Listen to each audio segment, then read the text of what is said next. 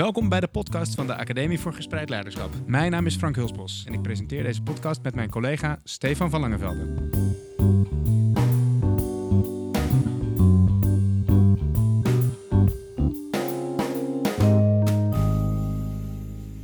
Vandaag spreken we met Deborah Odendaal, schoolleider bij het Montessori Lyceum in Amsterdam, de oudste middelbare Montessori school van Nederland.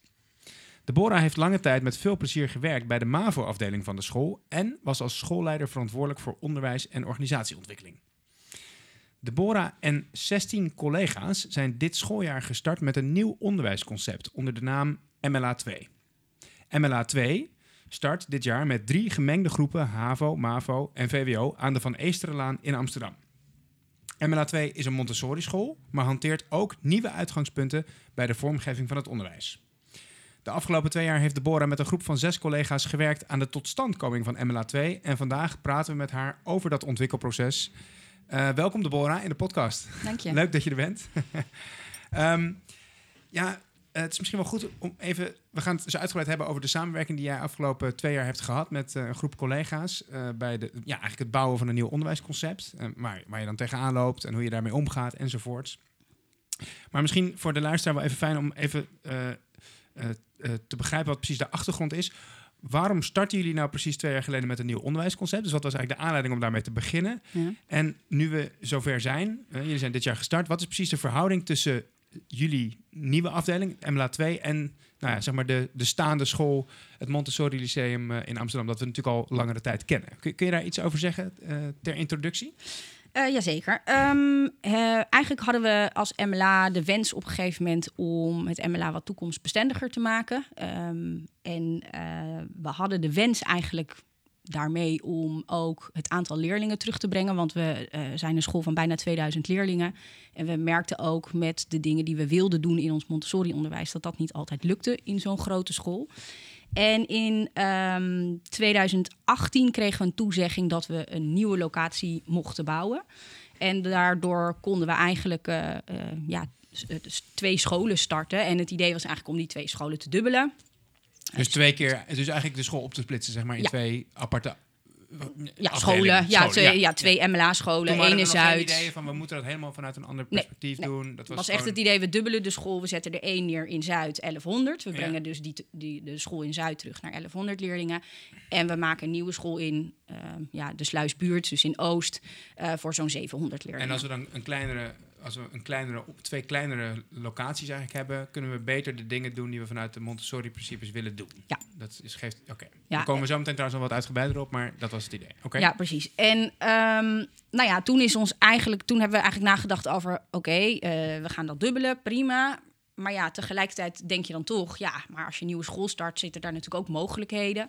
En toen hebben we eigenlijk als schoolleiding gedacht, ja, misschien moeten we daar dan toch een projectteam op zetten om eens na te denken over of er dingen zijn die we in die school al voor elkaar zouden kunnen krijgen. Uh, waar we hier al jaren mee bezig zijn. In dat moederschip wat al zo groot is en dat is toch lastiger soms om in beweging te krijgen. Uh, of je dat misschien al versneld zou kunnen doen in die nieuwe school. Dat was eigenlijk de eerste gedachte. Um, de projectteam, het projectteam heeft eigenlijk een vrije opdracht gekregen, dus ga daar eens over nadenken. Nou, en daar is eigenlijk het MLA 2 uitgekomen als uh, concept. Uh, en dat was toch wel iets anders dan waar we in eerste instantie uh, wat... Anders dan die, dat oorspronkelijke idee van, van we, we splitsen ja. de dubbele de school eigenlijk in twee kleinere ja. locaties. Ja. ja. dus dat is eigenlijk de ontstaansgeschiedenis, zeg maar. En want dan gaan we zo meteen even over die uitgangspunten die dan echt wel specifiek zijn voor MLA 2. Gaan we het zo meteen even over hebben. Ja. Maar even dan nu voor even het technische stuk van hoe verhoudt nu zeg maar het MLA 2 zich tot wat jij net noemde, het moederschip, zeg maar de, de oude school, het Montessori Lyceum ja. Amsterdam. Hoe, hoe, zijn jullie een afdeling of zijn jullie een nieuwe school? Hoe, hoe zit dat precies? Uh, nou ja, we zijn nu gewoon een afdeling binnen het MLA. Okay. Um, we zitten ook nog samen met de MAVO-HAVO-afdeling letterlijk in het, uh, het gebouw aan ja. de Eesterlaan. Je noemde het net al. Um, het idee is wel dat we straks natuurlijk met al die deelscholen naar dat nieuwe gebouw gaan. Ja, dan zijn we wel een, een andere school, want ja, je hebt toch een andere aanpak. Uh, maar we zijn nog steeds onderdeel van het, van het MLA, van het ja. Lyceum Amsterdam. Ja. Oké, okay. dus in die zin vergelijkbaar. Je hebt, je hebt de MAVO-afdeling, je hebt de HAVO-afdeling en zo heb je ook het MLA 2. Ja. En je uh, kiest wat een afdeling ja, is, precies. maar met eigen specifieke uitgangspunten, maar wat hoort bij Ja. het Montessori Lyceum Amsterdam. En een leerling die hier binnenkomt, kiest wel echt heel bewust voor het MLA of ik kies voor het MLA 2. Ja. Dus je, je hebt daar keuze in. En wa- want, waarom zou je kiezen voor het MLA 2? Wat zijn de uitgangspunten eh, die jullie hanteren die echt specifiek zijn voor MLA 2? Ehm, nou ja, wat we eigenlijk hebben gedaan is eh, in, in die projectgroep, dat is misschien dan wel interessant, is we, we zijn teruggegaan eigenlijk naar de bedoeling van Montessori. Dus we hebben echt gekeken naar, hey, wat had Montessori nou voor ideeën? En dat weten we allemaal natuurlijk wel in grote lijnen, maar als je even echt weer teruggaat naar de literatuur, wat zie je dan, wat lees je dan? En toen zijn we eigenlijk tot vier uitgangspunten gekomen. Ehm, dat is gemeenschap, dat is ontwikkelingsgericht leren, eh, dat is autonomie en zelfsturing en betekenisvol onderwijs. En aan de hand van die vier pijlers zijn we eigenlijk ons onderwijs verder gaan inrichten. Ehm, misschien is het handig als ik dat even kort toelicht. Ja, ja, ja, dat, eh, ja? Dus als we het hebben over een gemeenschap, nou ja, ehm, we zijn eigenlijk een soort van mini-samenleving als school. En eh, wij zien het ook als onze opdracht om een kind niet alleen een diploma te laten halen, maar ook een soort van klaar te maken om straks in die maatschappij te kunnen functioneren. Nou ja, en dan moet je dat wel op school leren. Dus eh, so- sociaal leven met elkaar, sociaal leren met elkaar, dat is wel echt een van de belangrijkste punten. Ehm, samen zijn we verantwoordelijk voor de school, we zijn verantwoordelijk voor elkaar en dat doet ook wel iets met je pedagogische klimaat. Ehm, en eigenlijk hebben we dat in verschillende vormen geprobeerd te integreren in het onderwijs. Dus ehm, de brede brugklasse, je noemde het al in je introductie, dat is wel een van de belangrijkste dingen. We hebben MAVO, HAVO, VWO-leerlingen voor drie jaar bij elkaar. Ja. Ehm, we richten ons Dus daar... drie jaar lang split, ga- split je als leerling niet af in je eigen stroom, maar blijf je, Blijf je bij elkaar. Ja, vanuit ook ehm, eh, de gedachte, het kansgelijkheidsvraagstuk zit er natuurlijk in. Eh, maar ook je leert van en met elkaar op allerlei niveaus. En Montessori zei, je kan beter zoveel mogelijk persoonlijkheden bij elkaar zetten. Dan leer je sociaal namelijk veel meer van elkaar dan dat je iedereen afsplitst in zijn eigen groepje. Nou, daar is die brede brugklas eigenlijk uit voortgekomen.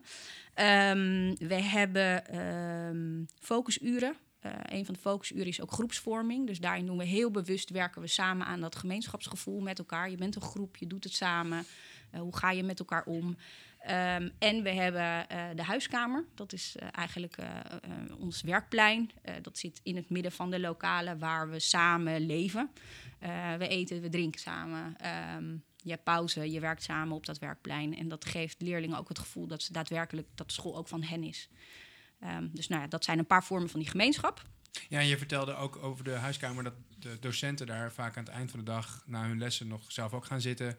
En dat leerlingen dan ook de neiging hebben om eh, hè, met de docenten bijvoorbeeld even, dus nog even aan te spreken, nog iets te vragen. Er ontstaat ook, ook na de lessen dus dan interactie tussen de docenten en de leerlingen. Hè? Dat, Ja, weet je, eigenlijk alle vier de pijlers gelden ook voor ons. Dus je Ja. kan wel zeggen, je maakt vier pijlers en dan heel vaak gaat het voor de, dan zijn de pijlers voor de leerlingen. maar volgens mij, het, het- het concept van Montessori is ook dat je voorleeft. Dus dat je voordoet wat je wil. Nou, als je een gemeenschap wil zijn en je wil het samen doen, dan moet je ook in de gemeenschap zitten. Dus het uitgangspunt is ook dat de docenten voor hun les al in de huiskamer zitten. Dus we ontvangen de leerlingen. Eh, en na de les zitten we ook nog even in de huiskamer. En dan werken docenten daar gewoon. Dat wil natuurlijk niet zeggen dat ze daar altijd moeten zitten. Ze kunnen ook heus wel ergens een keer gaan zitten om even eh, afgezonderd te werken of te overleggen. Maar we stemmen een beetje af met elkaar van wie daar dan zit. Ehm, en ook als je kijkt bijvoorbeeld naar het ontwerp van het nieuwe gebouw, dan eh, zitten de docenten niet helemaal weggestopt boven in het gebouw in een eh, personeelsruimte. Maar in de kantine hebben de docenten ook een, ja, we noemen dat het Grand Café met glas, waar de leerlingen ons dus ook gewoon zien en wij Ja. hen. En weet je, dan zijn we ook een onderdeel samen. En daar hebben we het ook wel echt discussies over gehad. Moet er dan een raam in of niet? Moet dat dan open? Maar goed, docenten hebben ook af en toe wel even rust nodig. Dus we hebben er wel een raam in laten zetten. Ehm, maar wel in dezelfde ruimte. Dus je bent wel samen. ja, Dus dat is wel de gedachte. dus dat is eigenlijk allemaal vanuit het idee van die gemeen, het zijn van die gemeenschap. Ja. ja. Nou, en die tweede pijler is dan ontwikkelingsgericht leren. Ehm, daar gaat het eigenlijk over dat we nou ja, vanuit de Montessori-gedachte dat je gelooft dat iedere leerling de wil heeft om te leren en ook de mogelijkheid heeft tot groei. Ehm, en ehm, ja, als je daarin gelooft, dan moet je dus volgens mij kijken naar de ontwikkeling van iedere leerling. En de, die ontwikkeling gaat niet op dezelfde manier. Iedere leerling heeft andere punten die die moet ontwikkelen. En de plus één voor iedere leerling is voor iedere leerling anders. Uh, en ja, die brede brugklas is daar dus eigenlijk ook een voorbeeld van. Dat je gewoon gaat kijken van... Ja, je, je kan hem met een MAVO-advies zijn binnengekomen. Maar het kan zijn dat je heel goed bent in wiskunde. Mhm. eh, maar nog niet zo goed bent in Nederlands. Nou, dat betekent niet per definitie dat je dan op, op het uitstroomniveau van de MAVO zou moeten blijven. Het kan best zijn dat daar veel meer potentie in zit, maar dat we daar op een andere manier aandacht aan moeten besteden. Dus echt kijken naar wat de leerling nodig heeft om een stapje verder te komen. En daar bewust met elkaar elke keer naar kijken van wat daarvoor nodig is voor de leerling, maar ook wat wij als docenten moeten doen om dat voor elkaar te krijgen. Dus daar zit ook wel iets in dat gedrag van de docent wat dan ehm, anders, nou ja, moet, vind ik altijd, moeten is altijd zo'n ding. Maar Oh, het betekent in ieder geval dat je veel meer moet differentiëren eigenlijk. En dat Ja. je veel meer moet aansluiten bij wat wat de leerling het nodig heeft. kind, het Ja. specifiek kind wat je voor je hebt nodig heeft om die stap te zetten naar nou ja, waar die naartoe wil. Of, hè? Nou, en dat je daar dus echt zicht op krijgt. En daar zit het formatief handelen heel erg in. Dat we elke keer kijken met de leerling, waar sta je nu? We hebben een leerdoel, waar sta je nu ten opzichte van dat leerdoel? En wat heb je nodig om dat leerdoel te bereiken? En dat is echt anders dan werken met cijfers, want we geven dus ook geen cijfers.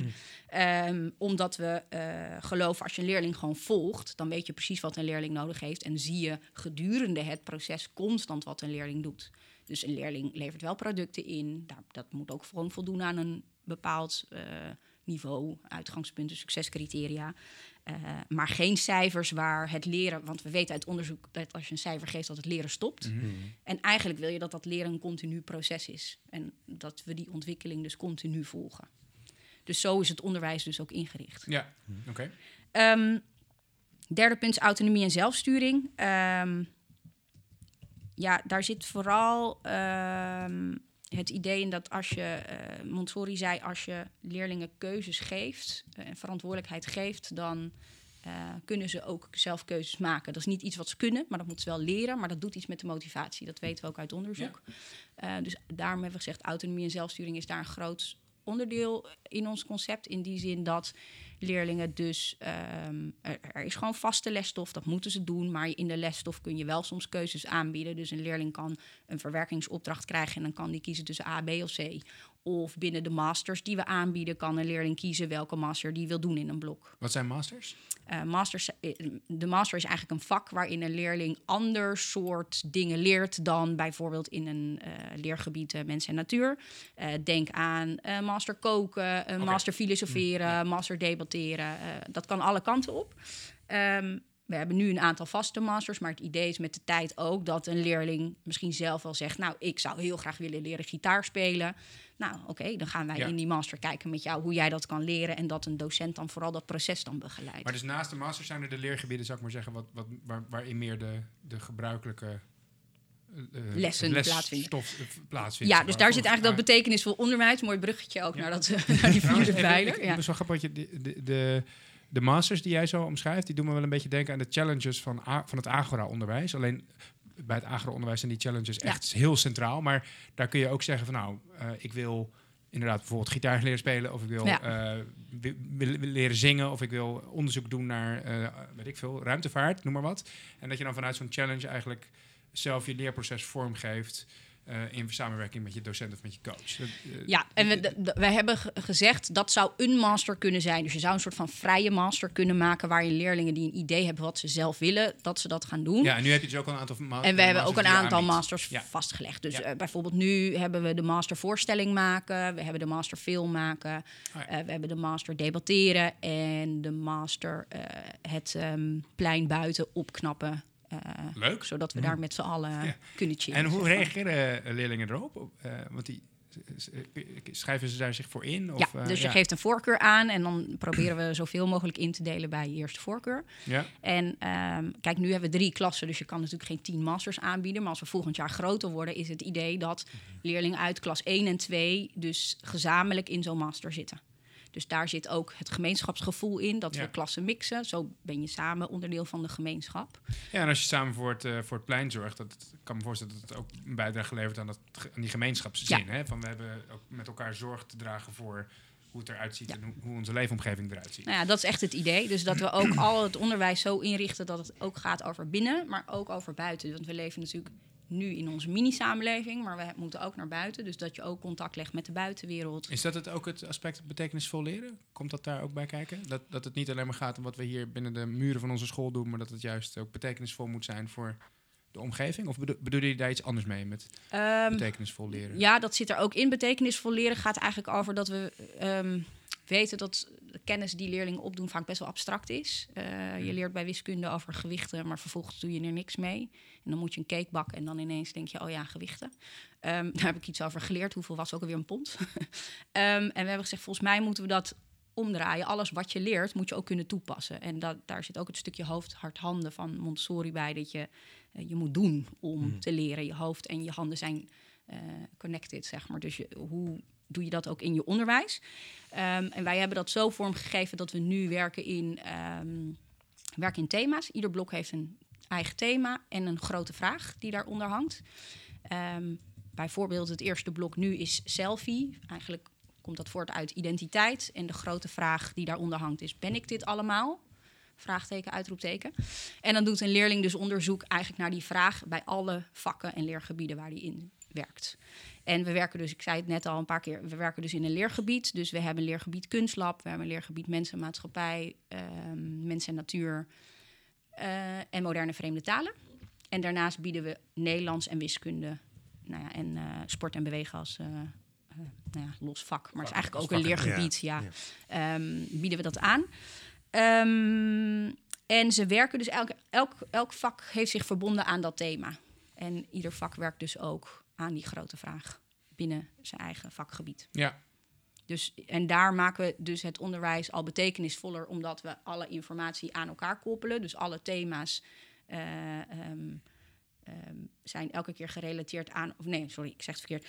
Um, elk vak werkt vanuit dat thema en vanuit die grote vraag, waardoor je elke keer uh, een soort van samenhang krijgt in de lesstof. En omdat ja. je al binnen leergebieden werkt, dus bijvoorbeeld biologie, scheikunde, natuurkunde, hebben samen gekeken naar, als wij gaan samenwerken, waar zit de overlap in kerndoelen dan voor ons? En hoe kunnen wij een project maken waarin al die dingen dan terugkomen? Alle maar het zijn wat die leergebieden en die thema's die je noemt, die, die, die zijn eigenlijk een beetje uh, een alternatief voor de bekende vakkenstructuur. Zo van, ja. hè, ik geef les en ik werk samen ook met mensen die, mijn vak die ook mijn vak verzorgen. En daar word ik ook op afgerekend. En dat is eigenlijk mijn, hè, mijn perspectief. Uh, die leergebieden en die thema's, die doen eigenlijk een beroep op docenten om samen te werken. Ja. Ook vakoverstijgend, vooral ook vakoverstijgend samen te werken. Heeft, heeft, heeft deze manier van werken, dit onderdeel van het onderwijsconcept, ook betrekking op hoe de samenwerkingsstructuur, zou ik maar zeggen, is vormgegeven binnen MLA2? Of hoe um, ziet dat eruit? Heeft, heeft dat ja, consequenties? Het heeft heel erg. Ja, eigenlijk is het hele concept gebaseerd op samenwerken. Mhm. Mm -hmm. Dus um, toen we begonnen als projectteam. Um, um, zijn we al gaan nadenken. eigenlijk begon het al met het projectteam.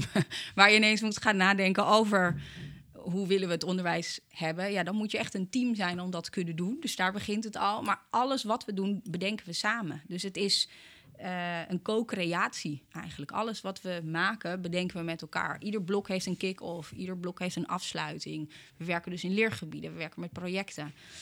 Um, uh, alles sluit daarop aan. En ja, dat betekent dat je gewoon constant afstemming moet zoeken met ja. elkaar. Ja. En waar we van hebben gezegd, eerst van oké, okay, uh, het, het, interdisciplinair werken zit hem vooral in de leergebieden. En dan hang je dat aan de thema's en dan werk je dus eigenlijk al samen. Zien we nu ook dat buiten die leergebieden eigenlijk ook steeds meer samenwerking ontstaat. Want de docent Nederlands vraagt dan ook van... hé, hey, uh, maar wat doen jullie dan in dat blok?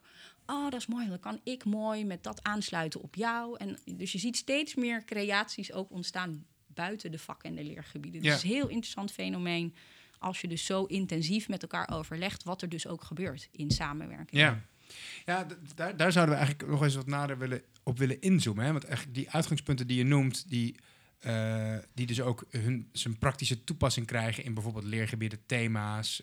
Uh, uh, in ieder geval onderdelen, verschillende onderdelen van het onderwijsconcept. Die, die veronderstellen natuurlijk ook dat je, dat je dus dat veel meer samen doet en niet los vanuit je eigen individuele vak of vanuit je eigen perspectief. Je moet perspectief aan elkaar koppelen en met elkaar kijken mm -hmm. naar hoe kunnen we dit goed doen. Hè? En dat heeft zowel betrekking denk ik op het veranderproces, dat zei je net ook al van de afgelopen twee jaar, als ook op de situatie nu. Misschien is het goed om even in te zoomen op dat veranderproces van de afgelopen twee jaar en hoe de samenwerking daarbinnen vorm kreeg.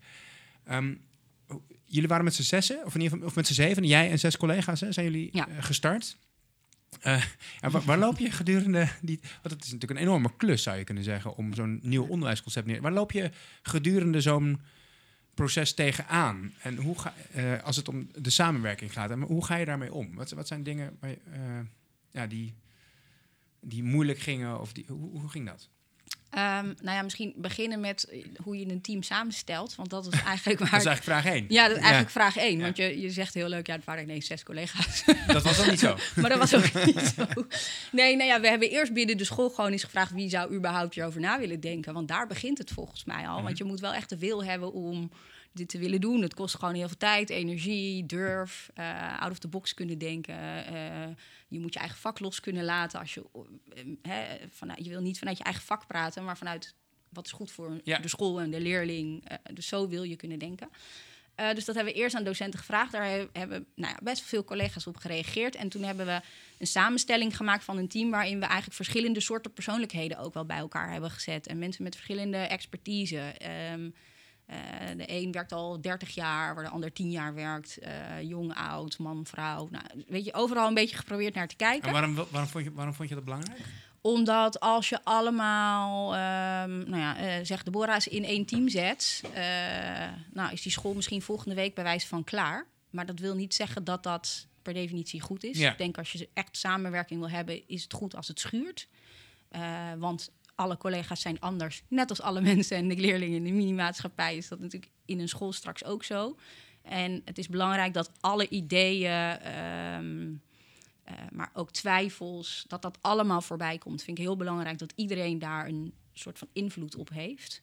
Eh, want dan, heb je, dan ben je ook kritisch, Ja, denk dus eigenlijk die, die, die, die, diversiteit, waar je dus echt bewust naar hebt gezocht bij de samenstelling van het team, die was er, die was er, gewoon, die was er voor om de kwaliteit van het, van het resultaat te vergroten. Ja. Omdat je vanuit meerdere perspectieven eh, eh, kijkt naar het geheel in plaats. Nou ja, jij bent denk ik dan actiegericht. Jij zou het bij wijze van spreken snel eh, kunnen Ja, doen. ik denk dan, Maar dat oh, dan wil ik zo, niet per se zo. dat het ook altijd Ja. goed doordacht is, bijvoorbeeld. Nee, Dat, precies. Dat, wil, wil helemaal niet per definitie zeggen dat ik het antwoord heb. Helemaal niet. Ja. Ik denk juist met veel meer mensen nadenken over iets...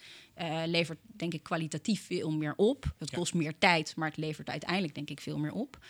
Ehm, dus dat, dat vond ik wel even belangrijk om te benoemen. Ja. Want dat is volgens mij al fase Ja, 1 dus stap voordat je is stapt. eigenlijk van denk goed na over de samenstelling van het team en zorg dat er voldoende diversiteit is in hoe Ja. mensen kijken, wat de persoonlijkheden zijn van mensen.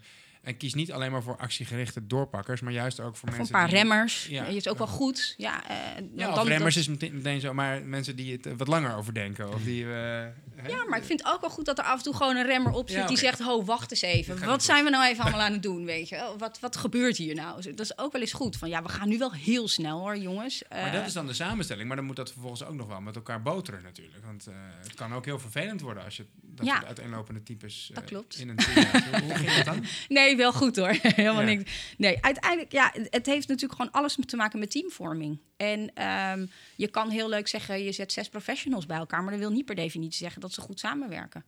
Ehm, samenwerken is ook iets, denk ik, wat je moet leren en wat je moet begeleiden. Ehm, en dat is denk ik ook vooral mijn rol daarin geweest, om dat proces gewoon Ja, en het is te ook nog eens een keer een samenwerking die echt anders is dan je bijvoorbeeld gewend bent binnen je sectie. Hè? Dus als je samenwerkt binnen je sectie, dan, dan werk je vooral aan de, nou, de ontwikkeling van je vak. En dan heb je ook allemaal dat vak als uitgangspunt. Terwijl jij nu eigenlijk een beroep doet op mensen om niet naar het vak te kijken, maar te kijken naar wat voor school willen we eigenlijk zijn. Ja. Wat willen we eigenlijk betekenen voor onze kinderen?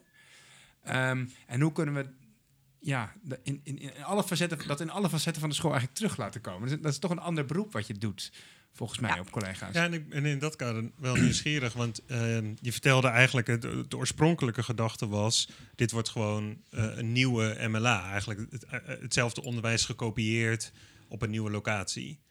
En er is een, een kanteling geweest van, eigenlijk gaan we deze kans aangrijpen om echt een nieuw onderwijsconcept te ontwerpen. Wa- wa- wanneer is die kanteling geweest? Eh, Is dat in dat team gebeurd? Van er zo een tijdje aan werkende komen eigenlijk tot de realisatie: goh, we willen eigenlijk toch wat fundamenteler wijzigingen aanbrengen? Of was dat al de uitnodiging naar deze groep toe? Nou, naar deze groep was de uitnodiging, ga gewoon eens nadenken, vrijdenken. Ja, oké. Dus eh, Ja. daar is niet een opdracht mee gegeven, behalve er moet aan het einde van het jaar iets liggen. Dus het was, Er moet een plan liggen Maar- voor... ja, een- wat, wat zou je een voorstel? Dat was eigenlijk Ja. de vraag. Een voorstel voor een concept voor die nieuwe school. Zijn er dingen die we anders zouden willen, moeten, kunnen? Ja. En, maar dat is totaal vrijgelaten, dus denk er maar over na. De, de Ehm, begrenzing was vooral, de, we gaan splitsen. Hè, we, gaan twee, we gaan dubbelen, noemde jij dat? Ja. Eh, en, en, en daarbinnen mag je eh, zelf komen met een voorstel van hoe we dat dan gaan doen. Binnen Ja, en dat is niet per definitie gezegd dat dat het dan wordt. maar kom eens met een voorstel. Ja. Ga eens denken. Dus gewoon een soort van denktank om, Ja. om Ja. na te denken over wat er kan. Want dat kan je niet met een hele school doen met 200 man. Eh, Maar als je dus mensen, een klein groepje enthousiastelingen, een dergelijke vrije ruimte ge- geeft, dan, dan komen ze met eh, hele innovatieve ideeën op te proppen, blijkbaar. Ja, ja blijkbaar.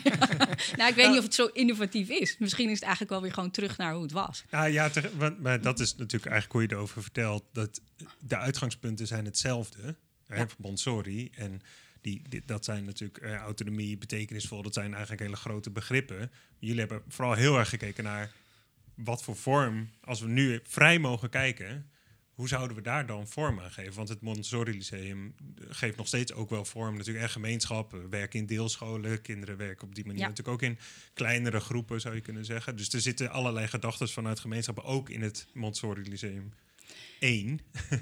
Eh, alleen jullie hebben echt de vrije ruimte genomen om te zeggen, oké, vorm, daar gaan we nu gewoon... Het is de aanpak die anders is. Ja. Maar we zijn natuurlijk een stichting, hè, dus we zitten met meerdere Montessori-scholen in de stichting. En iedere school heeft een eigen kleur, zeg, zeg maar, Montessori-kleur. Eh, en wij hebben nu voor deze aanpak gekozen. Eh, dit sluit denk ik best wel goed ook aan bij basisscholen.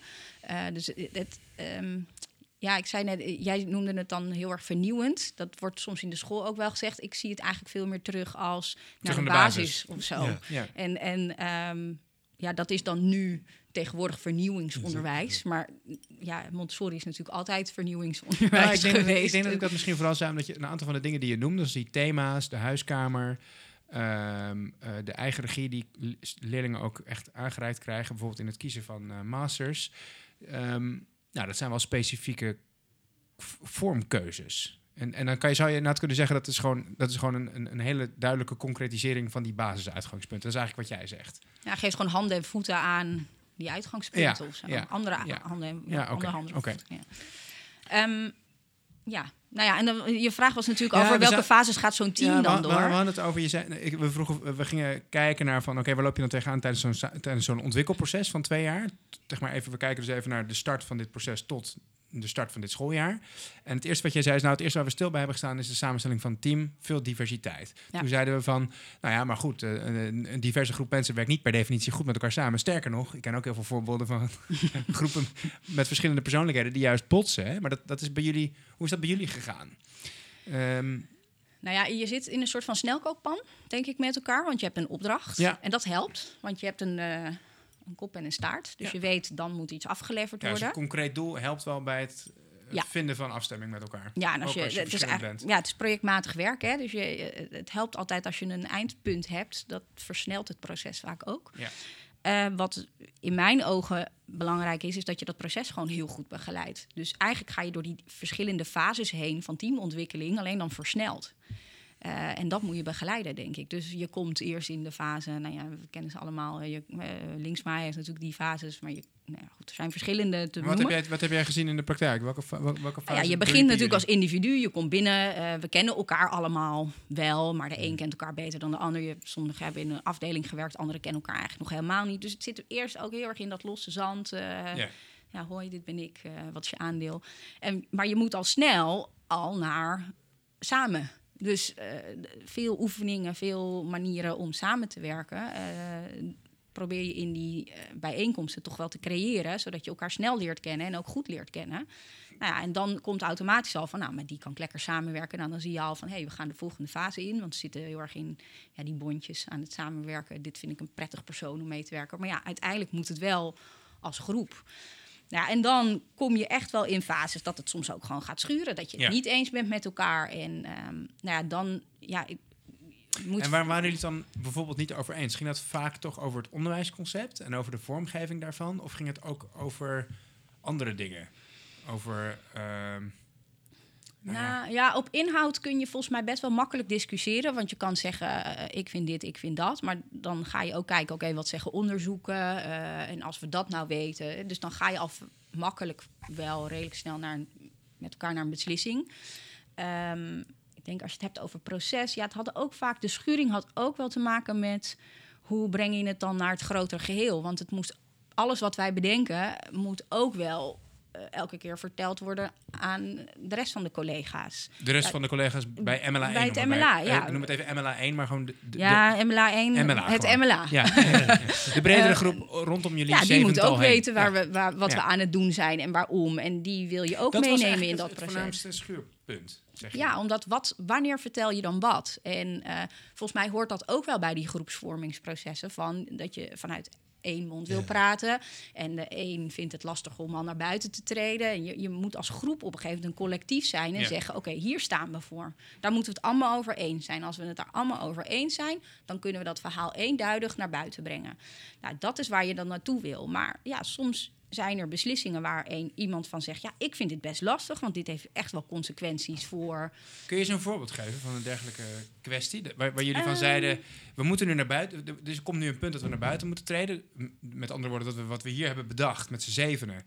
moeten gaan communiceren naar de rest van de school eigenlijk. En, en dat jullie aan het zoeken waren van hoe en wanneer vertellen we dat dan? Of hoe doen we dat? Nou, we hebben heel, toch uiteindelijk best wel lang gewacht voordat we ehm, echt ging, naar buiten gingen communiceren wat we hadden bedacht. We hebben wel in de, eh, in, door middel van buitenkringen constant informatie opgehaald. Maar uiteindelijk hebben we pas volgens mij in maart eh, van dat jaar hebben we pas eigenlijk een presentatie gegeven over de grote lijnen. Dus die vier pijlers. Zo van, hoe gaan we En, dit doen? Ja. En, Aan de rest van de school? ja, maar Ja. kijk, leergebieden bijvoorbeeld is best wel een gevoelig punt. Want dat gaat natuurlijk over tijd van mensen. Er zijn echt veel collega's die vinden dat het vak gewoon het vak moet blijven. En een leergebied, ja, dat is echt een andere manier van denken, werken.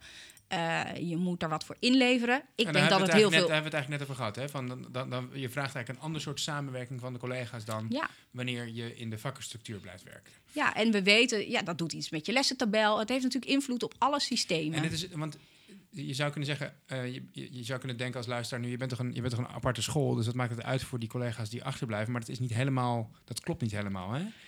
Nee, je bent geen aparte school. Want eh, het MLA eh, gaat terug van twee, ongeveer 2000 leerlingen straks naar 1100. En het MLA 2 wordt een school van 700 leerlingen. Eh, maar de collega's moeten... Ja, het kan zomaar zijn dat je als collega die nu bij het MLA werkt, dat, je ook op het MLA 2 MLA gaat werken. gaat ja, komen. en Dus- misschien kan je op beide scholen blijven werken, dat weet ik maar nog niet. vandaar helemaal dat je dus niet helemaal als MLA 2 kunt zeggen van we zijn helemaal los van Wij doen dit gewoon MLA, dus zo. we doen gewoon wat we willen. Ja, hè? nee, Want dat dat, zou je niet kunnen denken als je een volledig nieuwe school bij wijze van spreken zou zijn Ja. begonnen. Maar je hebt dus nog steeds die verhouding eh, met Ja, eh, het de oorspronkelijke school. Ja, oké. Ja, dus het is wel belangrijk dat er ook genoeg nou ja, draagvlak is. Ik weet niet of je dat draagvlak moet noemen, maar dat er genoeg collega's zijn die ook denken van... hé, hey, wauw, dit is interessant. Maar zou je dan Ehm, kunnen zeggen dat eigenlijk de. Misschien een beetje een snelle conclusie hoor, maar daarom leg ik hem ook even als vraag aan je voor. Zou je kunnen zeggen dat eh, de. De, hoe moet ik het zeggen? De, de, de, de verhouding eigenlijk met de, de, de oorspronkelijke groep, de oorspronkelijke school, dat dat, het grootste dat dat het grootste vraagstuk is geweest in jullie ontwikkelproces van de afgelopen twee jaar. En minder hoe doen we het met z'n zevenen met elkaar en kunnen we ons een beetje herkennen in de ander als het gaat om de uitgangspunten die we voor ogen hebben. Je zegt ook van, nou, het, het schuurde vaak op het moment dat we moesten gaan communiceren met de rest van de school. Hè? Ehm, ik denk dat, dat dat wel een eh, ingewikkeld punt is geweest in het proces. Ja, want eh, je wil ook niet. eh, met zes mensen is het natuurlijk heel makkelijk om dingen te bedenken. Ja. Want je zit helemaal in je eigen bubbel. Je bent Ja. elke week met elkaar aan het nadenken, aan het onderzoeken, scholen bezoeken. Dus wat je voorstellen dat ontwerpt. het heel leuk is. Ja, dat, is dat fantastisch. energie geeft superveel Ja. energie. En iedereen werd ook heel enthousiast ervan. Eh, en dat straal je denk ik ook uit op een gegeven moment als groep. Ehm, maar met zes mensen bouw je geen school. Mhm. Dus je moet, het moet ook wel naar buiten toe. En dat is soms dan lastig, want je, hebt helemaal, je bent er helemaal van overtuigd met elkaar dat dit goed gaat werken. Want anders ontwerp je niet zoiets. Eh, maar door het werken met die buitenkring kregen we ook wel heel veel collega's die gingen meedenken. Dus dat was ook heel fijn. Dus dan heb je ook je critical friends. Ja, dus jullie Ehm, waren met z'n zeven en dan een buitenkring van collega's uit de hele school die dan ook Ja, we hebben ze een aantal keer gewoon vra meedachten, meege- ja, vragen, gevraagd. vragen stellen. Ja. Van kom, hè, denk eens met ons mee over dit thema. Ehm, we hebben ook een keer de roast of MLA 2 gedaan. Waarin we de gelegenheid hebben gegeven om met MLA 2 alle zorgen, eh, eh, kritische punten, om dat ook eh, neer te leggen. Om ook ja, die geluiden zeg maar op te halen. Ehm, maar het is inderdaad wel lastig, want je bent iets nieuws aan het maken. En ehm, nou, ontstaat misschien soms ook wel het gevoel van... hé, hey, waarom ontwikkelen we niet op het MLA? Wat is, waarom gaan we nu een hele... Waarom ontwikkelen we niet op het MLA? Nou, we ontwikkelen wel op het MLA. Nee, maar toch... Ja, het is, het is- het- jullie hangen een beetje in tussen een totaal nieuwe school. Dat zijn jullie niet. Eh, maar jullie zijn ook niet ehm, binnen, volledig binnen de muren van, het, van de oude, met alle respect, school... eh, dat nieuwe concept gaan neerzetten. Jullie, jullie, zijn, jullie hebben je een beetje, een beetje half afgesplitst. Ik zeg het met mijn eigen woorden. Hè. Dit zijn niet jouw woorden, maar... Waarom ontwikkelen we inderdaad niet binnen de oude context?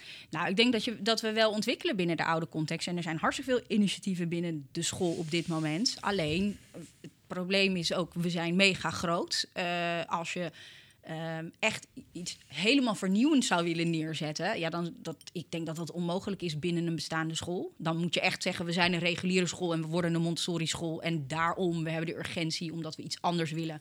doen we alles anders. Maar je zit natuurlijk vast in de systeemwereld, in de leefwereld... waar je in zit als een bestaande school. is echt wel heel erg moeilijk om dan te zeggen tegen 200 man... nou, wat zullen we eens gaan doen met Ja. elkaar? Ja. Ja. dat is onmogelijk, denk ik. En dat is natuurlijk de kracht van een kleine groep... die nadenkt over een concept. Ja. En eh, we noemen het elke keer zes... maar het jaar daarna zijn er nog weer... eh, tien collega's bijgekomen. Ja, jullie zijn nu met z'n hè. 16, We zijn nu met z'n zestienen en dat is ook in wisselende samenstellingen geweest. Ehm, dus er zijn meer collega's die daar dus over mee hebben gedacht. Ehm, ja, dat is natuurlijk veel makkelijker om dat met elkaar te doen. En als jij blanco mag nadenken over iets, dan zit je niet vast aan al die systemen en al die eh, roosters, eh, lessentabellen. Dan kan je helemaal vrij denken. Dus dat is terug naar de bedoeling, is echt veel makkelijker met een blanco papier Ja. dan Ja. als je dat in een bestaand systeem moet doen. Ja. En als ik je hoor, dan ehm, k- geef je eigenlijk collega's ook nog wel iets meer de kans om, eh, om, om te kijken naar wat is dat dan nu, dat concept. En wil ik daar nu op instappen of wil ik ook nog heel even eh, afwachten? Terwijl als je natuurlijk als hele school al werkt met een nieuw concept, dan, zul je, dan, dan komt er toch een soort onvermijdelijkheid voor heel veel collega's die misschien nog denken, ik vind het nog spannend of ik heb er nog niet zoveel beeld bij. Terwijl die vergroting van zes naar, naar 16 collega's, dat zullen waarschijnlijk collega's zijn die bewust kiezen. Kunnen, voor, konden hey, die vrijwillig aanhaken, die Ja. eh, tien Ja. nieuwe? Ja, precies. Ja. Dus het geeft je de Dus die kozen ook echt, net als die leerlingen, hè, kozen die ook echt voor het MLA 2. Ja, dus dat echt iets anders kunnen gaan proberen neer te zetten, kun je dan ook doen met mensen die daar ook een bepaalde affiniteit mee hebben. En niet, ja, niet het gevoel hebben van, ik, ja, ik, er wordt mij gewoon iets voorgelegd van, ik, ik moet dit Ik doen. moet dit doen. Nee, ja, en er zit natuurlijk een stuk gedragsverandering in. Eh, en we weten allemaal dat gedragsverandering niet gaat door een beslissing op te leggen: dit is wat we anders gaan doen. En Ja. nu ga je allemaal maar mee. Dat wil helemaal niet per definitie zeggen dat dat dan daadwerkelijk lukt. Ja. En in, als je zeg maar van, wat jij ook zegt, je bouwt eigenlijk van onderaan nu op. Hè? We, we, we starten met klas 1 en we zijn eigenlijk aan het bouwen. Ja. En ja, mensen kunnen instappen eigenlijk wanneer ze dat willen. Eh, en wil niet zeggen dat iedereen dat per definitie wil. En dat hoeft ook helemaal niet. Maar dat kan wel. Dus het team wat daar nu staat. Ja, ik weet helemaal niet per definitie of ze allemaal per se mee willen naar het MLA 2. Misschien wil een deel ook nog wel op het MLA werken. En dat is, dat is ook prima, weet je wel. Maar eh, blijkbaar vinden deze collega's het wel fantastisch om na te denken over een nieuw concept. En willen meedenken over hoe je dan een curriculum vormgeeft. Nou, hartstikke fijn als we die expertise ook zo kunnen gebruiken. Ja. Ja, en want het lijkt er misschien bijna op, maar volgens mij is dat dus niet wat, wat, wat de intentie is. Hè, alsof het MLA 2, eh, de intentie is dat dat het hele MLA op een gegeven moment gaat worden. Dus dat het Nee, zo groot wordt. Nee. Dat dat het, het is echt de intentie om iets anders, een keuze te bieden. Keuze, Zoals je- ja. dus ik, want ik kan me zo voorstellen dat dat snel kan voelen als collega. Dat je, oké, hier beweegt het naartoe, nu begint het in het klein. Met, uiteindelijk wordt het zo groot, dan slokt het zeg maar MLA in zijn geheel op. Maar dat is helemaal niet de intentie. Die Dat is niet de intentie, maar dat is misschien wel ook de angst die Ja, speelt bij mensen. En dat- dat, kan je heel hard roepen, maar als mensen denken, ja, weet je, er zitten natuurlijk allemaal emoties onder dit proces. Hè? Ehm, en dat merk je op allerlei vlakken. Dat merk je binnen het MLA 2-team, maar dat merk je natuurlijk ook bij het MLA. Ehm, eh, nou ja, we, we noemden eentje. ehm, het is ook je collega's gaan ineens weg, waar je jaren mee lang hebt samengewerkt. Dus ook een soort van afscheid nemen van elkaar. Eh, misschien ook het gevoel van waarom krijgen wij niet zoveel tijd en ruimte om, Om te om te ontwikkelen. Waarom mag dat MLA 2, mag dat wel met een groep en wij niet? Terwijl wij ook teruggaan naar 1100 leerlingen, wij moeten ook ontwikkelen. Ehm, maar daardoor beweegt het MLA ook weer een, eh, op een bepaalde manier. Want nu is er ook een ontwikkelgroep voor het MLA bijvoorbeeld. Dus er gebeurt ook iets in dat proces met beide scholen. Ehm, maar ik merk het ook aan de MLA 2-collega's. Die hebben dit jaar dus voor het eerst daadwerkelijk sommigen, een deel van hen, afscheid genomen van hun oude team. En ze zeggen ook, ja, we komen dus niet meer terug op het MLA. Dat is best wel een gekke gedachte. Dat je dus nu echt kiest voor het MLA 2. Ik heb 30 jaar gewerkt of 20 jaar gewerkt op het MLA. Er zijn erbij die zo lang al bij Ja. MLA werken. Ja. En die gaan nu dus gewoon de stap maken. En ze zeggen ook, het voelt een beetje als een nieuwe baan. Ja. Weet je, ik stap in op iets nieuws. En dat is heel spannend. eh, hartstikke leuk. Ik heb er super veel zin in. Maar ja, je gaat ook zoeken naar je weg. Wat betekent dat dan, een nieuwe school? Ja, ik vind het wel interessant. Ja, sorry. Nou ja, nee, dat, eh, hoe je er nu over praat, dat lijkt me inderdaad zo gek. Dat je, dat je, je ziet enerzijds ben je in dezelfde school, maar het is zo wezenlijk anders wat er gebeurt binnen MLA 2, dat het toch heel erg voelt als een nieuwe school. Dus ondanks dat je het, zeg maar, op papier allemaal niet zo is, Ja, zeg jij eigenlijk in, in de emotionele zin of in de, de, de, de cultuur zit wel gewoon, wordt er wel echt gesproken over twee scholen. Ja, dat lijkt me gewoon heel gek, zeg maar. Omdat ook vanuit een soort gemeenschapsgedachte die natuurlijk ook zeggen dat het toch voelt als ik ga nu naar een andere school toe, Ja, een dat- nieuwe set collega's. ja het voelt wel, denk ik, voor van- mensen als twee scholen. Ja. ja. ja. En dat, ja, Maar wat, wat ik dus grappig vind, toen, ik, toen we, toen we eh, maar wij ontmoetten elkaar een paar maanden geleden weer. Hè, we kennen elkaar natuurlijk al langer, maar we Mhm. kwamen elkaar weer een keer tegen. En toen vertelde je over MLA 2. Toen dacht ik in eerste instantie, oh, wat een goed idee. Ehm, eh, als, je, als je iets nieuws wil, of als je terug wil naar de basis, hè, dus we- laten we het niet eh, super innovatief noemen, maar terug naar de basis. Wat, wat handig, wat fijn dat je daar dan een nieuwe ruimte voor creëert. Hè, dus dan zul je wel de vrijheid hebben om daar echt zelf handen en voeten aan te geven. Nou, dat, dat, dat geldt inderdaad voor het zevental. En tegelijkertijd zit dus die link met, het, met de oude school er nog wel degelijk. Eh, wa- waardoor je dus op het moment dat je naar buiten gaat treden, gaat het, gaat het schuren of, of, of wordt het lastig. En heb, heb je met elkaar ook als zevental de meeste discussie over hoe doen we dit dan op een goede manier. ja.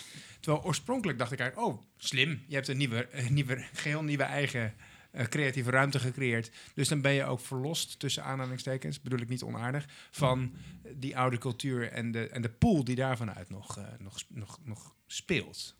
Maar, maar dat, dat is dus toch niet helemaal zo. Maar stel je voor dat het geheel vrijwillig zou zijn om je aan te sluiten bij het MLA 2. Zou je daar dan niet toch van af zijn? Want dan heb, dan heb je toch eigenlijk twee... Even los van of dat mogelijk is, hè? maar dan, heb je, dan zou je toch eigenlijk twee geheel eigen ja je zit- scholen hebben waar je ja. als docent ook vrijwillig voor kunt kiezen? Ja, kijk, als, ik denk dat dat al heel anders is. Als, dat twee hele, als het echt vanuit de basis twee nieuwe scholen zijn, zegt dat de, de MSA zegt eh, we starten een hele nieuwe school en je kan hier als collega's naartoe. Dat is natuurlijk heel en je kunt anders. ook dat niet doen. Ja, en je kunt dat ook ja. niet doen. Maar het voelt nu misschien ook wel een beetje ehm, alsof je een stukje verliest van je school. Want je wordt toch kleiner. Weet je, Ja, de huidige school, daar Ja. gaat ook van alles veranderen. En dat komt toch ook omdat dat MLA 2 er komt. Ja. Dus dat doet ook Want je gewoon wordt pijn. kleiner, dan gaan collega's weg. Ja, Ehm, er komt een ontwikkelgroep ook binnen MLA 1 die dus ook na gaat denken over hoe gaan we dat met die nieuwe, met, met die nieuwe grote doen. Ja, het is ook een beetje rouwverwerking, Ja. denk ik. Of zo. Ja, je, de, school van 2000, wat we waren, wat we al die jaren zijn geweest, nu eh, nou, al eh tig jaar dat we zoveel leerlingen hebben, wordt nu ineens veel kleiner. Dus alles verandert. Dus je haalt alle eigenlijk vaste grond bij mensen onder hun voeten vandaan. Los van het feit of ze naar dat MLA 2 moeten. Er gaat ook bij het MLA Ja. dus heel veel veranderen, omdat we de keuze hebben gemaakt eh, om te dubbelen. Ja. En dat, ja, dat doet gewoon iets met mensen. En we weten, ja, als je uit je eh, comfortzone wordt getrokken, dan, dan, dan doet dat natuurlijk iets met Ja. je. En dat is wat je wel ziet op allerlei vlakken. En dat heeft ook positieve uitwerkingen. Want er zijn ook mensen die heel erg blij zijn dat er Ja, eh, eh, weer nagedacht wordt over onderwijs. En dat er weer ruimte is en dat het weer kan. En sommige mensen zijn super enthousiast over het MLA 2. Nou ja, die hebben we natuurlijk ook in dat team. Eh, maar ja, er zitten dus wisselende emoties onder. Ja, want dat lijkt me zo. Want je komt natuurlijk snel op een soort nadruk voor de mensen voor, voor wie dit als minder aantrekkelijk ervaren of zo, of hoe je dat ook precies wil zeggen. Maar ehm, de andere kant is natuurlijk, er zijn ook heel veel collega's, docenten, die, die waarschijnlijk het gevoel zullen hebben van, oh wat fijn wat, dat er een plek is waar, waar, weer, ja, waar ik weer gewoon anders naar onderwijs kan kijken. Of waar ik uitgedaagd word om, om ja, een, een nieuw, nieuw perspectief te hanteren. Dus ik kan me zo voorstellen, want dat is eigenlijk ook een beetje hoe je erover praat. Van het is niet een niet van wat we ooit deden was niet goed. En we zetten nu een nieuw, beter onderwijs. Het is gewoon, we, we willen weer anders kijken naar de uitgangspunten. En dan met de inzichten die we nu hebben, kijken hoe zouden we het dan nu vormgeven. En, dat, de, en het positieve daarin is, dat leidt dus ook tot keuze. Zowel bij, voor kinderen, want die kunnen kiezen voor ik, MLA of MLA 2. Maar ook voor collega's eigenlijk. Van, je kunt als collega gewoon weer even herijken bij jezelf. In welk onderwijsconcept wil ik eigenlijk lesgeven of docent zijn? Ja. Ja, dat. En wat ik ook zie is dat er dus echt heel veel collega's... die hebben gewoon hun hart verpand aan het MLA en zeggen... Dit biedt ook weer mogelijkheden op het MLA om na te denken over hoe we het MLA weer kunnen versterken. Dus Ja. dat, dat is natuurlijk ook wat ontstaat als je ehm, gaat veranderen. Dus er zitten allerlei positieve, maar ja, natuurlijk ook negatieve kanten aan. Maar dat is vanuit het positieve zien we dat ook gebeuren. Eh, toen wij, eh, we zetten nu ieder jaar een enquête uit om te vragen van, hey, hoe sta je erin? Waar zou je willen werken in de toekomst? En dan zie je dus echt heel veel mensen ook bewust kiezen van, nee, ik, eh, ik vind MLA 2 heel interessant, maar ik blijf bij het MLA. Daar ligt mijn hart Ja. en ik wil kijken hoe we ja, ook je binnen dus het inderdaad- MLA Je dat zou dus inderdaad kunnen zeggen, op het moment dat die keuze echt vrijwillig is, even los van of dat kan of niet, op termijn, dan, dan is het eigenlijk een heel mooie toevoeging, zou je bijna kunnen zeggen. En, een, en, en creëer, je eigenlijk, ja, creëer je eigenlijk een mogelijkheid voor iedereen om een kant op te bewegen die, die voor hem of haar aantrekkelijk is. Ja.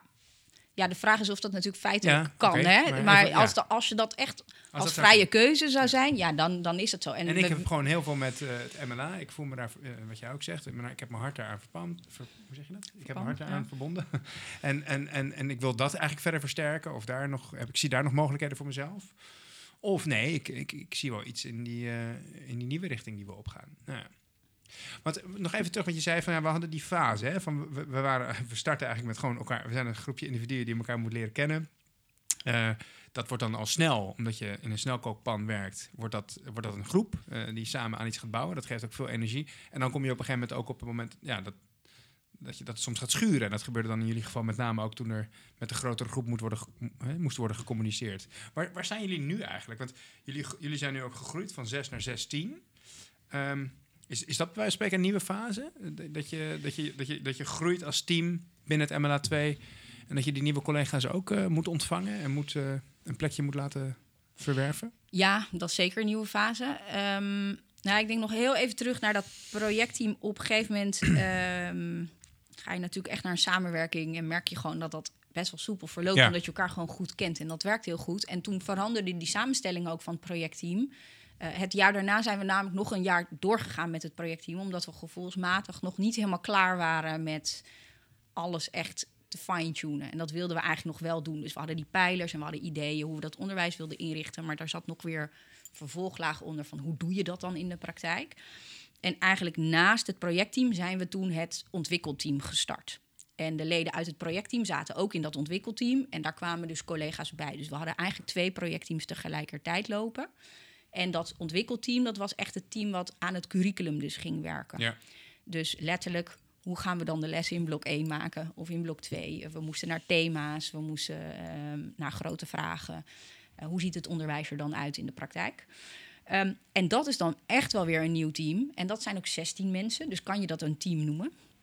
Ehm, dat is natuurlijk altijd de vraag als je het gaat hebben over teams. Ehm, dus ik zie dat meer als een afdeling. Dus het MLA 2, de ontwikkelgroep is echt de MLA 2 afdeling. En we hebben het kernteam. En dat is eigenlijk dit jaar ook zo. Want het kernteam zijn nu de zes coaches die lesgeven aan de leerlingen eh, op het MLA 2. En die coaches die zitten ook eh, vrijwel allemaal voor, nou, ik denk 60 tot 80 procent van hun baan zit echt, nou misschien wel 80 procent van hun baan zit in het MLA 2. Dus zij zijn er eigenlijk constant. En die andere collega's, ja, dat zijn nu nog gastdocenten. Oh, die, die Ehm, werken ook op het MLA 1. Ja, die werken ook op de MLA. Ehm, omdat je maar drie klassen hebt, dus je hebt gewoon nog niet genoeg formatie om dat te kunnen doen.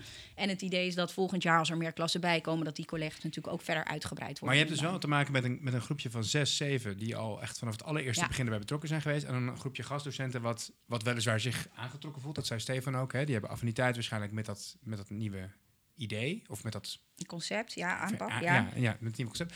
Eh, maar die, maar, die, maar die, zijn, die hebben wel een andere, ja, eh, die, die zijn in een andere fase, zou ik maar zeggen, Ja. in hun denken of in hun ontwikkeling dan dat dat oorspronkelijke groepje is. Hoe, hoe, hoe breng je dat goed bij elkaar? Want we hebben ook wel in, we hebben ook zelfs een hele podcast aangeweid trouwens, eh, Stefan. We hebben ook wel gemerkt bij vernieuwingsprocessen dat zo'n oorspronkelijk kerngroepje eh, eh, vaak moeite kan hebben om een, eh, op het moment dat de groep groter wordt, om die nieuwe collega's ook goed aan te haken. Herkennen jullie dat? Of is, is, dat wel eens een, is dat wel eens een issue? En zo ja, hoe gaan jullie daarmee om? Ja, ik denk wel dat dat, dat dat de grootste uitdaging is, ook zeker richting de toekomst. Ja. Hoe je Want je gaat natuurlijk nog meer groeien. Dus, Ja. Dit jaar ben je met drie, maar je vertelde bij de eh, eh, eh, ja, Ja, dus dus- je kan zomaar gaan groeien in de toekomst, hè, dat dat nog, nog groter wordt. Ja, we, we krijgen er volgend jaar Volgend klassen bij. klassen. Ja, eerste klassen komen erbij. hè, dan, dan zit je met een grotere club mensen. Je krijgt straks een bovenbouw erbij. Het wordt natuurlijk steeds groter. Ja, we gaan naar precies. 700. Dus ja, die, die groep collega's gaat uitbreiden, hoe dan ook. Ehm, ja, wat daar lastig aan is, is je merkt gewoon aan die startgroep. Daar zit het soort van in hun DNA, want zij hebben het zelf bedacht. Ja. Dus dit is helemaal, of bedacht, hè, ontwikkeld met elkaar. Ja. Dus het zit helemaal in het DNA. Als je hen vraagt, hey, vertel eens even ontwikkelingsgericht onderwijzen. Nou, dan, dan vloeit dat er zo uit. Terwijl de collega's die er nu bij komen, ja, dan moet dat nog in die cellen en in dat DNA komen. En dat is toch de hele tijd toch weer dat concept elke keer bespreken met elkaar. Waarom doen we dat zo? hey, eh, zullen we het zo en zo doen? Nou, wacht even. Even terug naar de bedoeling. Wat was het idee daarachter? Waarom hebben we deze keuzes gemaakt? Hoe ziet dat er dan uit? Ehm, Ja, precies. En dat lijkt me, ik kan me voorstellen dat dat voor de 6, 7 oorspronkelijken voelt als een stap terug. Terwijl Ja. het eigenlijk nodig is om dat te doen met de 10 nieuwe. Want die hebben eigenlijk ook recht, zou je bijna kunnen zeggen, op die, ja, Ja, op die gesprekken ja, en ja. op die betekenisgeving die je daarmee creëert. Hè? Dus dat, dat, is, dat is, daar zie je eigenlijk dat, dat zo'n team dan zomaar twee verschillende behoeftes kan hebben. Ja, en ook, weet je, dat dat, dat, dat projectteam ik zit even te lachen. Ik zit te denken aan situaties ook waar dan de projectteamleden zeggen: Ja, wacht even hoor. Dit is wel even hoe we het hebben bedacht. Hè? We gaan nu niet sleutelen aan die principes. Ja, of we dus- gaan niet. Dit is hoe we het uit hebben gedacht. En dat je soms dus ook dat ook zij flexibel moeten zijn Ja. in dat soms dingen ook zullen veranderen met de tijd. En dat input van nieuwe collega's soms ook kan zorgen dat. eh, Zoals dat ook zo is gebeurd in de eerste twee jaar dat jullie nog met z'n zevenen waren. Alleen dat, dat voelt dat, anders. Dat voelt alweer als een gepasseerd station. Ja. ja, en dat, dat dus eigenlijk dat is doorontwikkeling ook. Want, eh, want je, voor je het weet voelt het als van die nieuwe collega's die komen er nu bij en die eh, veranderen het, het concept. Maar dat is wat nou eenmaal hoort bij doorontwikkelen. Dat is gewoon de inzichten die jullie nu opdoen met deze groep eh, kinderen. Ja, je, je leert gewoon weer wat werkt wel, wat kunnen we aanpassen. En daar heb je ook die nieuwe groep collega's voor nodig als, als input. als Ja. input. Eh, absoluut. En dat met elkaar, ja. Nou, en wat we wel hebben gedaan ook, eh, is informatie ophalen hoe andere scholen dat hebben gedaan. Want ik bedoel, we zijn niet de eerste die eh, groeien, vernieuwen, groeien. Ehm, eh, dus we hebben gesproken met eh, eh, Spinoza, 21st eh, eh, schoolleider. Afsplitsing van het eh, Spinoza Lyceum, ja. zou je kunnen zeggen. Eh, we hebben gesproken met eh oud-schoolleiders van het Eiburg... die in de tijd van de start van het Eiburg zijn gestart. En toen het ging het Eiburg ineens... eh, werd echt massaal bezocht door leerlingen. Dus dat team groeide echt explosief. En eigenlijk de tips die we daaruit mee hebben gekregen... is dat je constant met elkaar, ieder jaar eigenlijk die visie... dat je een soort van visiedag moet hebben... Ja. waarin je met elkaar die visie bespreekt... Eh, de visie verandert niet, eh, maar het kan natuurlijk zijn dat we in praktijk de dingen anders doen, omdat we dat, omdat het beter kan, of omdat we zien door de evaluaties dat het anders moet.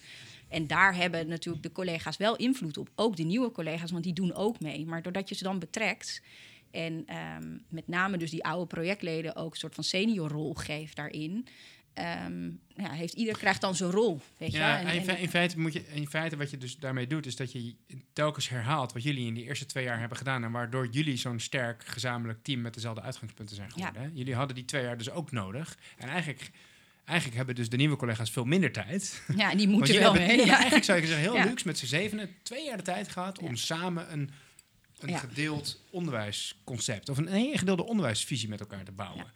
En ehm, ja, die nieuwe collega's hebben, hebben dat ook nodig Ja. om zo'n om zo'n proces te doorlopen.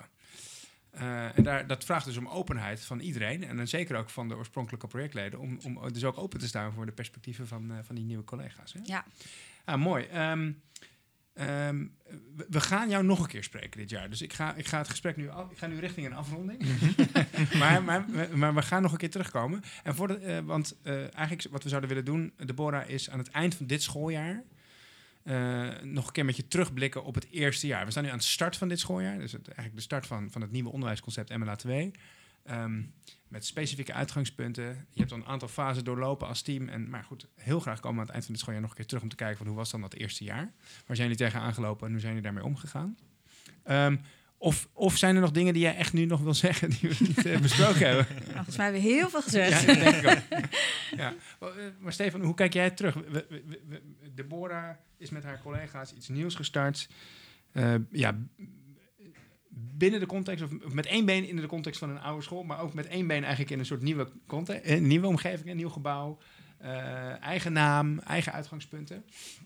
Ehm, ja, heb je dat nou nodig om tot echte vernieuwing te komen? Of hoe zit jij daar naar te luisteren? Of, eh, wij begeleiden natuurlijk ook wel veel scholen eh, met verandering. En dan merk je toch ook vaak hoe lastig het kan zijn om binnen een staande school met een lange geschiedenis en met mensen met ja, hun eigen verhaal wat ze meebrengen, om verandering tot stand te brengen. Mhm. Is zo'n is zo'n stapje naar buiten eigenlijk onvermijdelijk Ja, voor echte vernieuwing? ik denk dat in, in je verhaal eh, heel veel elementen zitten die, die, ja, die, die, die eigenlijk best wel cruciaal zijn natuurlijk bij veranderen. En dat is een van de valkuilen waar je bij veranderen vaak in stapt, is dat je eerst de eerste structuur verandert in de hoop dat dan de cultuur mee verandert.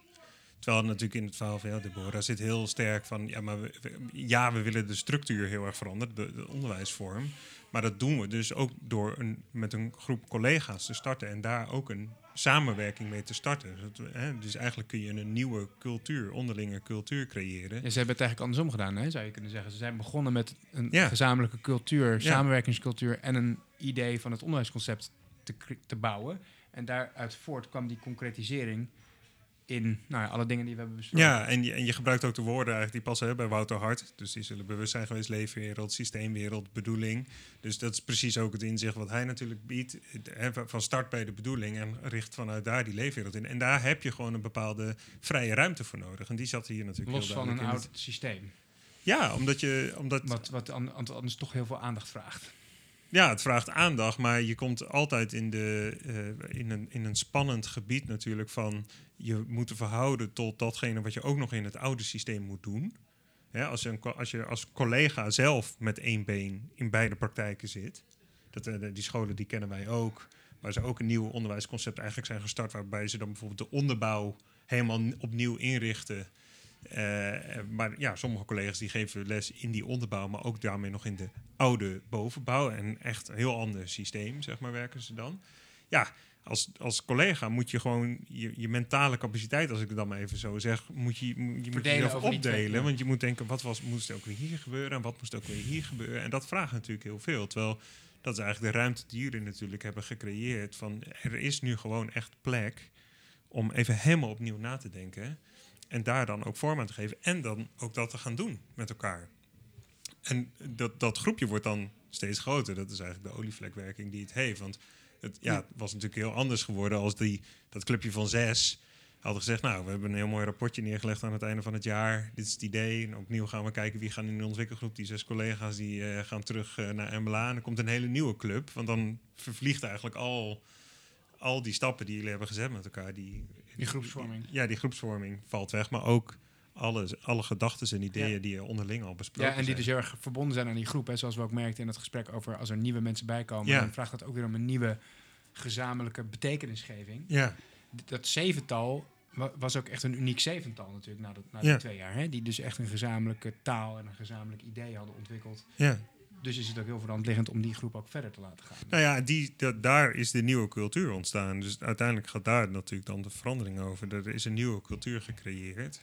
Maar als ik jou zo hoor, jij zegt dan toch eigenlijk wel dat het best wel, dat het best wel, dat het toch wel heel behulpzaam is om even los van dat systeem, van de oude omgeving, vrij te denken, eh, eh, waardoor je meer ruimte krijgt om echt bezig te zijn met de betekenis en de bedoeling van het onderwijs. Ja, ja ik denk dat dat... en je moet dan toch wel even loskomen van, dat, van welk systeem het ook is. Ja. Ja, ja, dus het, nou ja, het zijn twee, twee benaderingen. Dus je kunt natuurlijk eh, eh, binnen, binnen een bestaand systeem kun je heel incrementeel werken. Ja. Hè, dus dan is het gewoon voor stap. voor- ja, stap voor stap voortbouwen op datgene wat je hebt. Maar eh, ik denk dat er, dat, dat zijn best wel veel scholen die, die we zien, die, die- je, je groeit op een gegeven moment altijd in je, in je principes of je uitgangspunten, eh pot je aan tegen de grenzen die het systeem je biedt omdat er gewoon ingesleten patronen zijn. We hebben al eenmaal ooit ervoor gekozen dit en dat is dus zo. Dus heel vaak met rooster bijvoorbeeld zie je dat heel snel gebeuren. Van ja, we zijn al zo lang bekend geraakt met het idee dat we met losse vakken werken die allemaal 50 minuten krijgen in het rooster. En dat richten we op die manier in. En dan eh, dat veranderen is een enorme wijziging. Dat zo'n impact heeft op alles wat je doet. Dat, dat verander je veel liever vanuit nieuwe uitgangspunten en nieuw nadenken over hoe dan al het onderwijs mee verandert. Dus je kunt incrementeel binnen een bestaande school eigenlijk maar zo ver komen, voor je gevoel, eh, dan wanneer je even echt een pas op de plaats kan maken en zeggen: ik, ik, Oké, ik zet. Ik denk er gewoon even helemaal opnieuw naar. Ja, en dat soort, dat soort incrementele processen zijn vaak ook best wel belastend en, en, en, eh, eh, en, en moeizaam, stroperig. Ja. Terwijl de twee jaar die Deborah omschreef met haar collega's waren vooral heel eh, ja, inspirerend. enthousiasmerend, ins- inspirerend en ja, energiegevend. Hè? Ehm, dus dat is natuurlijk ook al een hele andere basis waarop je dan die verandering tot stand brengt. Ja. Ehm, dit waren natuurlijk allemaal onze, onze persoonlijke reflecties, hè, Deborah? dus dat is even voor alle duidelijkheid. Ik luister heel Hoe zit jij te geïnteresseerd. nee, Maar? ik, ik ben, ja, nee, ik hoor Stefan ook zeggen van, eh, eh, dat er twee manieren zijn. En ik denk dat dat echt het grootste Hm. probleem is aan veranderingen binnen organisaties. Dat je vastloopt tegen het systeem. Als je zo'n grote verandering binnen een bestaande school zou willen doen... dan moet je dus ook het systeem ter discussie stellen. Ja, en dan moet je als hele school terug naar de bedoeling... wat Ja. eigenlijk bijna onmogelijk is. Want dat moet je dan... Ja, hoe, dan moet je helemaal processen inrichten... dat je met 200 mensen gaat nadenken over Mhm. een, een visie... Want dan moet je lessentabellen loslaten, roosters loslaten. Dat hebben we nu allemaal kunnen doen. We hebben een totaal je ander rooster. had. Nee, Je we, begon alles. niks. Ja. Ja. Ja, En, en we zijn dus uitgegaan van die bedoeling. En pas dan het systeem inrichten. Ja, en denk ik wat ook speelt, is dat je hebt nog geen leerlingen. Als in, als je in een Nee, bestaand ja, systeem waar gewoon ja. leerlingen rondlopen, Die dan voel je natuurlijk als docent. Ik, bijvoorbeeld. ja, die, ja, nee, maar het is niet natuurlijk dat je tegen die leerling kan zeggen: Oké, even wachten, wij gaan even Ja. een jaartje even naar de tekentafel. Maar dan kom ik dus, sorry dat ik je onderbreek, maar dan kom ik dus toch tot de conclusie dat, dat echt toch wel, want jij zegt zelf van het is, het is alleen maar terug naar de bedoeling, maak het niet te groot. Nou, ik vind het, ik vind het toch wel behoorlijk innovatief eigenlijk wat jullie aan het doen zijn. Eh, en dan kom ik toch tot de conclusie dat dat, dat dat alleen maar kan in een vrije ruimte. En daarmee niks ten nadele van, van, van collega's, van, van het systeem waarbinnen dat moeilijk van de grond komt. Want dat heeft ook zijn waarde, voor alle duidelijkheid. Maar als je het echt weer even vanuit de bedoeling en vanuit onderwijskundige uitgangspunten anders wil doen, dan heb je dus eh, een vrije ruimte nodig zonder een bestaand systeem. En zoals en jij zelf zegt, dan zelfs zonder leerlingen die rondlopen, die eindexamen moeten doen, waar je op afgerekend wordt enzovoorts. Hè? Ja. Ja, en, en dus, en ik geef het een kans. Ik bedoel, dat is wat jullie nu natuurlijk hier hebben. Je geeft het eigenlijk een kans dan om te groeien. Doordat jullie gewoon met een nieuwe groep starten. Dat groeit dan automatisch, want die kinderen die gaan door naar het volgende jaar. En dan komen er automatisch weer een nieuwe instroom. Eh, maar je geeft het ook kans om te kijken naar in welke mate slaat dit aan. Hè? Als in, eh, zijn er eh, ouders die, eh, en, en leerlingen die denken, kinderen die denken... oh, hey, dat, ik heb nu een keuze en ik, keu- ik kies hiervoor. Dus je geeft ook gewoon de gelegenheid om te, te merken... in welke mate slaat dit, dit nieuwe concept ook aan. Ja. In plaats van dus dat je eigenlijk een hele bestaande groep gewoon... nou ja, beetje negatief woord, maar forceert, zeg maar... om, om, Om met dit in- nieuwe dan te in het nieuwe concept te gaan werken. Ja, dus Ja, dat, nee, dat het maakt het ja. innovatief wat jij zegt, Frank. Daar ben ik het helemaal mee eens. Het is in die zin wel innovatief, omdat het dus het karakter heeft van we proberen iets nieuws. Maar er zit dus de gelegenheid in om te kijken in welke mate dat Het is echt wat anders dan die incrementele ver- verbetering die jij net benoemde. Hè? Ja. Dus eh, ehm, in die, daarom, vind ik het, daarom zou ik het eerder innovatief of vernieuwing noemen dan, Ja. dan, dan ja, eh, stapsgewijze verandering of stapsgewijze verbetering. Ja. En daar heb je dus die, ja, die vrije ruimte voor nodig. Nou, ehm, eh, we hebben een dik uur met je gesproken, Deborah. Hartstikke Mhm. interessant. En dat gaan we dus nog een keer doen, dat zei ik net al. Ehm, en dan gaan we terugblikken op het eerste jaar. Ehm, aan de luisteraar, dank voor het luisteren. Eh, mocht je eh, de aflevering leuk vinden, laat dan een rating of review achter in je podcast-app. Als je feedback hebt of vragen over de podcast, mail ons dan op contact.gespreidleiderschap.nl. En je kunt ook, als je dat leuk vindt, op onze website kijken voor meer voorbeelden, gesprekken en interessante verhalen over gespreid leiderschap. Dat is dus www.gespreidleiderschap.nl. Tot de volgende keer en bedankt voor het luisteren. Top.